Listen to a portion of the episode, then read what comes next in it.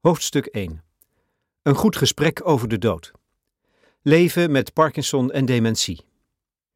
Ik ben nog half de man die ik was. Ik kwijl als ik sta te plassen of een ui snijdt aan het aanrecht. Eén helft van mijn lijf trekkenbeent. Zonder stok val ik om. En soms wappert mijn linkerhand omhoog. Ik kan er niets aan doen, aan die hand en het glas water dat hij leeggiet over mijn linkerschouder. In 2011 kreeg ik de diagnose Parkinson. Die ziekte, zei mijn neuroloog, treedt op als de cellen van twee zwarte kernen in je hersenen sneller afsterven dan zou moeten. Die cellen maken dopamine aan. De stof die je motoriek regelt, hoe je loopt, hoe je eet met mes en vork, wanneer je ogen knipperen. Bij Parkinson-patiënten, er zijn er ruim 50.000 in Nederland, loopt die motoriek in het honderd. Ze gaan trillen, of verstijven juist. Ze zijn vaak moe, praten zacht en krijgen last van nachtmerries of hallucinaties. Die symptomen kunnen een tijd lang, jaren vaak, met medicijnen worden onderdrukt, totdat het niet meer kan. Niemand weet hoeveel haast mijn lichaam zal maken met afbladderen. Geen farmaonderzoeker begrijpt waarom die zwarte kernen zo snel degenereren. En dus weet niemand hoe je Parkinson geneest. Na verloop van jaren, zei mijn neuroloog, zou ik ernstig hulpbehoevend worden. Een rolstoel. Ja, met een rolstoel moest ik wel rekening houden. Daar staat tegenover, vertelde hij, dat je oud kunt worden met Parkinson. U gaat er niet dood aan, hoorde ik hem zeggen. Het klonk net te opgewekt, een beetje kirrend. De tevreden relativering die hij tot het laatst had bewaard om mijn moed in te praten. Maar het loopt wel lullig af, dacht ik. En toen moest ik nog ontdekken dat ik door die Parkinson een 50-50 kans heb op dementie. Kop of munt, zeg maar. Ondertussen wordt de gemiddelde patiënt na 8 tot 10 jaar invalide. Maar die doorsnee Parky bestaat niet. Zes jaar na mijn diagnose stond ik nog op de tennisbaan. Toen veranderde ik binnen enkele weken in een wankel wrak. Lopen lukte niet langer. Ik kon alleen nog schuifelen achter een rollator. Ook begon toen, ik mag het niet vergeten, het vallen. Oud worden is niet voor watjes, dacht ik telkens wanneer ik mijn wandelstok tegen de wastafel liet leunen en kreunend neerzakte op het watervaste krukje. Onder de douche staarde ik onnozel naar mijn voeten. Kijk mij nou. Bloot en wit en dik. Rond mijn navel de purperen plekken die de injecties achterlieten. Het vierde of vijfde medicijn dat de neuroloog mij voorschreef. Vroeg oud. Ja, vertel mij wat. Het werd tijd voor een hersenoperatie, kondigde mijn neuroloog aan, nonchalant, alsof ik toe was aan een leesbril. Om te beginnen liet hij me, het is nu twee jaar geleden, vijf weken ter observatie opnemen in een gespecialiseerde Parkinson-kliniek op de zesde etage van een groot revalidatiecentrum in Noord-Nederland. Die opname hoort bij de vaste procedure bij diepe hersenstimulatie. Bij die ingreep boort een neurochirurg, terwijl jij bij kennis blijft, omdat je straks moet bevestigen dat de operatie werkt zoals de arts het bedoelde, twee gaatjes in je schedel, één links, één rechts. Met een lange, dunne naald brengt hij elektroden in. 10 centimeter diep in die grijze brei van 100 miljard hersencellen. Daarna bergt de chirurg, je bent nu goddank wel onder narcose, bij je schouderblad of in je buik een soort pacemaker op. En trekt hij de bedrading onderhuids naar je hersenpan. Niet zo heel anders als de elektricien die vloekend en tierend een netwerkkabel naar je meterkast short. Die pacemaker zal stroomstootjes afgeven. Die pulsjes moeten de werking van je rammelende zwarte kernen corrigeren. Maar eerst moest in de kliniek nog blijken hoe ik reageerde wanneer mijn medicatie pil na pil werd afgebouwd. De roze en de lichtbruine ovalen, de kleine witronde, de drie gele halve maandjes. Zou ik helemaal verstijven? Of juist nog wilder gaan bewegen? Al op mijn eerste dag in de kliniek verschijnt de lange, magere man met het kinderlijk ronde gezicht plotseling in de woonkamer. Hij is dringend op weg naar de uitgang. Hij heeft haast, alsof iets hem op de hielen zit. Een paar passen van de deur verstart hij. Waar gaan we heen, meneer Linschoten? vraagt de verpleegkundige die mij even eerder verwelkomde. Ze schuift haar stoel naar achteren. De blik van de man, hij moet een jaar of zeventig zijn, glijdt langs ons heen en blijft haken aan de vetplant bij het raam. Die aarzeling duurt een doodstil, aan de grond genageld ogenblik. Dan wil hij er weer vandoor, weg, weg van hier. Maar hoe? Hoe krijgt hij die deur naar de gang nou open? De deur naar de lift? Naar de grote hal op de begane grond? De deur naar buiten? De oude man begrijpt het niet. Met zachte dwang brengen twee verplegers meneer Linschoten even later naar zijn kamer.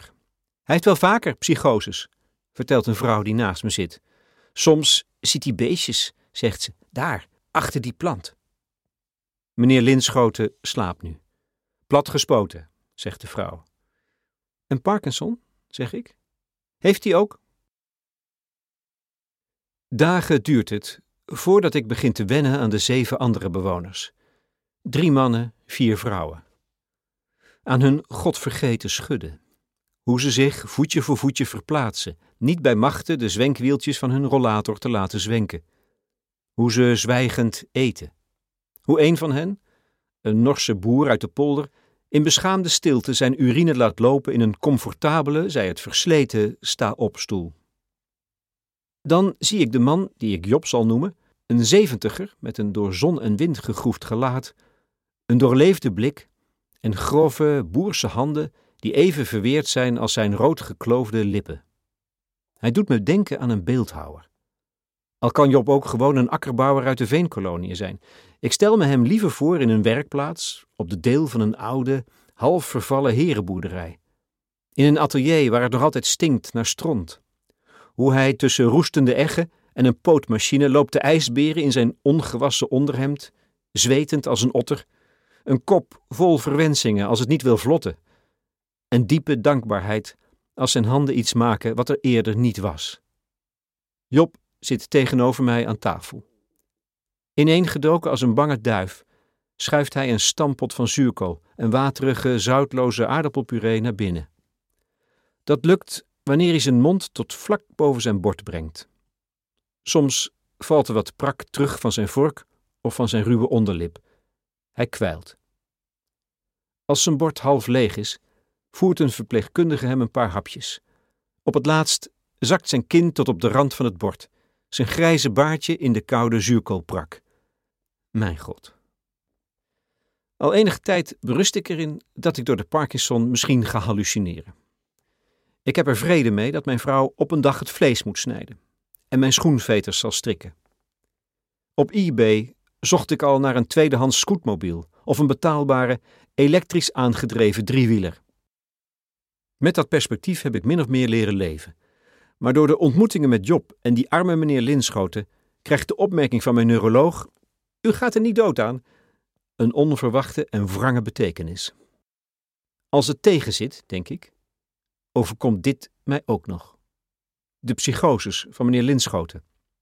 Hoe Job al dement lijkt, terwijl hij het toch waarachtig niet is. Ik kan geen enkele reden bedenken waarom mij dit niet zou overkomen. En je gaat er niet eens dood aan. Mijn schoonvader, Nico, kunstschilder in Rotterdam, is 91 als hij zijn geliefde aanziet voor een insluiper en haar midden in de nacht te lijf wil gaan met een keukenmes. Kort daarna laten wij hem achter op de gesloten afdeling van een geriatrische inrichting in het centrum van de stad. Het moet nu alweer een jaar of twintig geleden zijn geweest, maar nooit heeft dat beeld me losgelaten. De hulpeloosheid van die verdwaalde man als wij de glazen deur in het slot laten vallen. Hoe hij ons van achter het glas blijft aankijken. Zijn radeloze blik, zijn niet te stelpen eenzaamheid. Weken later, als wij weer bij Nico op bezoek zijn, gaat hij vreselijk tekeer tegen zijn geliefde. Sinds hij dement in deze gevangenis zit, kijkt ze niet meer naar hem om, zegt hij bitter. Nog geen uur nadat ze hem huilend stukjes brood heeft zitten voeren. Ik heb dan nog lang geen Parkinson. Pas over een jaar of tien zal ik me laten uitleggen wat zwarte kernen zijn, en dat die bij mij als sneuwe stukjes aubergine verschrompelen, Maar die avond, in de auto op weg naar huis, dringt het in al zijn onontkoombare helderheid tot me door. Dit, zo godverlaten eenzaam als Nico, dit nooit. Liever ga ik dood. Dat moet per slotverrekening te doen zijn in een land dat prat gaat op zijn liberale euthanasiewet. Op een middag, het is maart 2019, zit ik bij mijn huisarts om het eens goed over mijn dood te hebben. Ik ben er misschien wat vroeg bij, beaam ik, maar ze hoeft zich geen zorgen te maken, er staat niets in lichterlaaien, ik hoef nog lang niet dood. Ze vraagt hoe het gaat met mij en met mijn Parkinson. Het valt me niet tegen, zeg ik. Acht jaar ben ik nu al ziek. Maar na die ene zwerm zilveren zwaluwen onder het plafond in mijn slaapkamer zijn nieuwe hallucinaties uitgebleven. Lopen wordt lastiger, zelfs praten doet pijn. Af en toe val ik van mijn fiets. Ik word strammer en stijver, zeg ik, maar gelukkig gaat dat langzaam. Dat is mooi, glimlacht mijn huisarts. Dat het langzaam gaat, bedoelt ze. Je went aan veel, ga ik verder. Je went aan het schudden van je kop, de kramp in je handen, je verkruimelde schrift, je incontinentie en je slapeloosheid. Zoals je ook leert leven met de schaamte die als een niesbui opkomt wanneer een student in een volle vrijdagmiddagtrein haar zitplaats afstaat en op het aankomstperron ook nog eens aanbiedt je boodschappen naar de taxistandplaats te dragen. Je wilt het niet. Zo zichtbaar ziek zijn, zo hulpbehoevend, afhankelijk en onhandig. Het plaatst je buiten de kring van gezonde mensen. Die zien jou liever niet met je beperkingen. En vooral niet als je gek beweegt. Als je iets hebt wat zij niet onmiddellijk kunnen thuisbrengen. Alsof je al gek bent. Ik maak mezelf niets wijs, zeg ik tegen mijn huisarts. Die Parkinson is progressief en mijn strompelen een voorbode van invaliditeit. Al moet ik bekennen dat ik dat woord tot nu toe angstvallig heb vermeden. Misschien ben ik minder dapper dan ik dacht. Dikwijls, zeg ik, kom ik amper uit mijn woorden. Hobbel ik van de kramp in mijn benen, alsof mijn ene been een schoenzool korter is dan het andere. En de laatste tijd zie ik dubbel, wat een malle variant van blindheid moet wezen. Wie dubbel ziet, ziet niet meer, maar minder. Weet ik al, vraagt mijn huisarts dan terloops, alsof het over mijn vakantieplannen gaat, welke aftakeling ik niet meer mee wil maken? Ze heeft dit, merk ik, vaker aan de hand gehad. En ik vertel over het kettingje dat ik laatst kocht, een kettingje met een niet reanimeren penning. Voor het geval mijn drie jaar geleden opgelapte hart, twee stents, alsnog stilvalt. Als dat gebeurt, zeg ik, moeten ze mij maar laten gaan. De kans dat ik na reanimatie als een zombie verder moet, jaagt me meer de stuipen op het lijf dan de dood. Ik heb een mooi leven achter me, een dochter en een zoon verwekt, één goed boek geschreven en vijf andere die misschien niet onaardig zijn. Veel gezien, genoeg gedaan, mijn lot omhelst. Ik zou mijn leven zo weer overdoen, met alles erop en eraan desnoods, als dat de voorwaarde was om nog eens terug te mogen keren. Een euthanasie? vraagt mijn huisarts, nog altijd even onnadrukkelijk. Een lang ogenblik kan ik geen woord uitbrengen. Ik slik iets weg.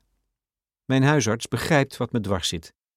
Die grote kans, het lijkt wel een bonus, dement te worden. Als het op aftakelen aankomt, zeg ik, wil ik veel verdragen. Zolang ik kan lezen, denken en schrijven, zie ik niet op tegen een rolstoel. Als het moet, laat ik mij ook nog wel de billen wassen door een zuster van de thuiszorg. Al weet ik niet, beken ik aarzelend, of ik het zo ver wil laten komen als bij Job. Ze kijkt me vragend aan. Job, zeg ik, een man die ik in de kliniek ontmoette. Job had ook Parkinson en zat vast in het harnas van zijn verstarde lijf, sprak geen woord, knipperde niet eens met zijn ogen en leek al volslagen dement. Maar was dat niet? Job, zeg ik zacht, wist alles nog. En dementie? vraagt mijn huisarts. Ik leg haar uit dat ik werkelijk niet weet wat ontluisterender is. Zou je beter, zoals Job, gevangen kunnen zitten in een weerspannig lichaam, dan opgesloten raken in je verwarde geest zoals Nico? Ik vertel over mijn schoonvader. Dementie laat je lijf nog jaren heel, maar begint je geest meteen te slopen, tot er geen geest meer is. Dat geestloze deel, zeg ik, sla ik liever over. Ook dit heeft ze vast vaker aan de hand gehad. U wilt de regie houden, zegt mijn huisarts. Misschien niet tot voorbij het graf, denk ik, maar toch wel graag tot aan de rand. Waarop ik haar duidelijk probeer te maken dat ik zo lang mogelijk wil leven. Omdat mijn leven me nog altijd geweldig bevalt. En dat ik niet wil sterven voordat ik dement word, maar omdat ik mijn verstand verloor. Het komt erop neer, zeg ik, dat ik pas dood wil als ik niet meer leef. Daar denkt ze even over na. Artsen maken geen mensen dood die niet meer weten wat er gebeurt. Dat vinden ze immoreel. Al zegt de wet nog duizend keer dat euthanasie ook dan mogelijk is. U weet toch, zegt ze, dat het zo niet kan? Dat weet ik. En ik weet ook hoe het zo gekomen is.